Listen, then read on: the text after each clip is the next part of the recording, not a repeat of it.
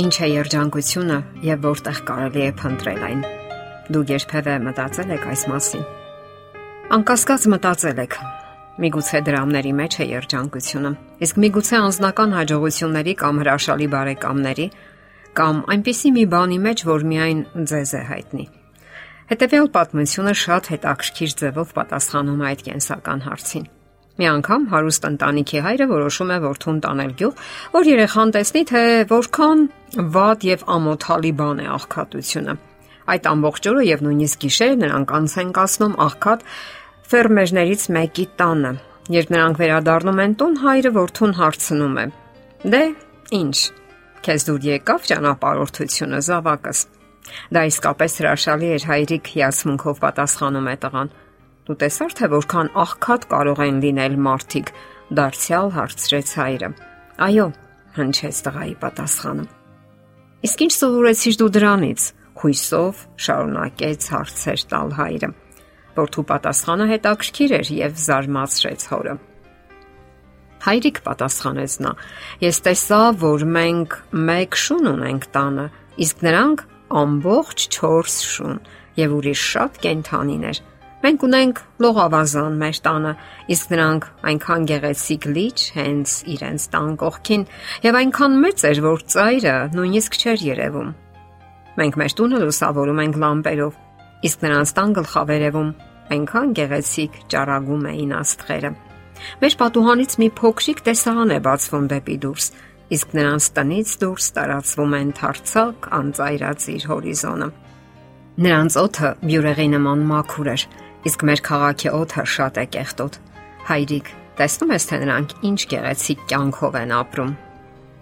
Հայրը զարմանքով որդուն էր նայում։ Նա պարզապես չգիտեր ինչ պատասխանել, իսկ որդին ավելացրեց. Հայրիկ, շնորհակալ եմ, որ ցույց տվեցիր, թե որքան հարուստ են այդ մարդիկ։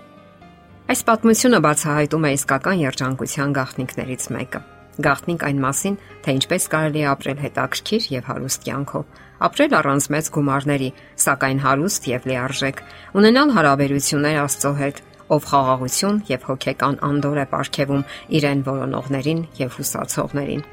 Այսօր նյութական բարեկեցությունը դարձել է համայն մարդկության հիմնախնդիրը։ Հանապազորյա հացի համար պայքարը խլում է մարդու ողջ կենսական էներգիան, եւ նա այլ բանի մասին չի ցանկանում մտածել այլևս ուշ եւ ժամանակ չի մնում Աստծո հետ հարաբերություններ հաստատելու համար, եւ որ ամենակարևորն է, ցանկություն չի ունենում կառուցելու այդ հարաբերությունները։ Ահա թե երբ է մարդը զրկվում երջանկությունից, երբ իրեն զրկում է Աստծո հետ շփումից, Աստծո հետ հարուստ փոխհարաբերություններից։ Եկեք մտածենք մեր կյանքի մասին։ Ինչով է հագեցած այն։ Հիմնախնդիրներ անկասկած կան։ Այդպիսին է երկրային կյանքը Այսօր դժվարություններ են հանդիպում մեր երկրային ճանապարհին։ Աստված թույլ է տալիս փոքրիկ ապրումներ եւ հիմնախնդիրներ, որpիսի պատրաստ լինենք ավելի ծանր փորձությունների։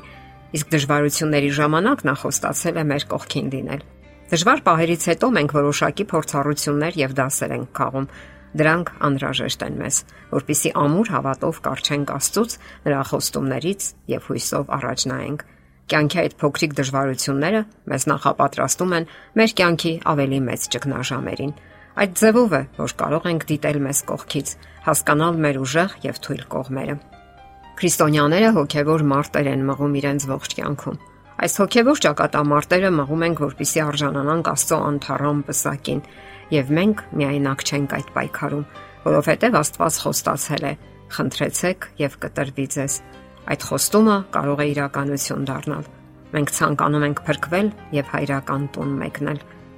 Ուրեմն լինենք ազնիվ, խնդրենք Աստծուն, որ մեզանից հեռացնի խափեության ու ստության հոգին եւ ապարքեվի ճշմարտախոսության հոգին։ Ստախոս մարդիկ երբեք չեն կարող երջանիկ լինել եւ առավել եւս չեն կարող ժառանգել հավերժական կյանքը, որովհետեւ այդպես է ասում Աստծո խոսքը։ Ժամանակն անցնում է, երկրային պատմությունը մոտենում է իր ավարտին Մի պահի մենք բոլորս հետադարձ հայացք ենք նետում մեր անցած կյանքին,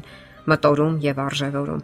Եվ միայն վերջում, երբ գրվեն մեր կյանքի գրքի բոլոր էջերը, մեզ հասկանալի կդառնան մեր կյանքում տեղի ունեցած բազմաթիվ անհասկանալի բաներ եւ կհասկանանք ամենակարևորը, որ մեզ հավերժական երջանկություն է սպասվում։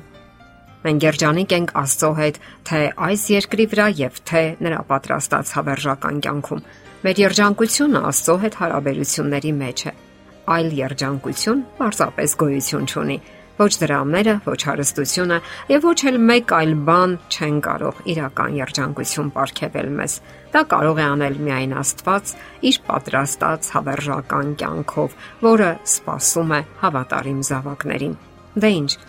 Ցանկանում եք վայելել հավերժական երջանկությունը։ Հենց այսօր պետք է սկսեք կարգավորել ձեր հարաբերությունները Աստծո հետ, եւ դուք իսկապես երջանիկ կլինեք։ Եթերում է ղողանջ հավերժության հաղորդաշարը։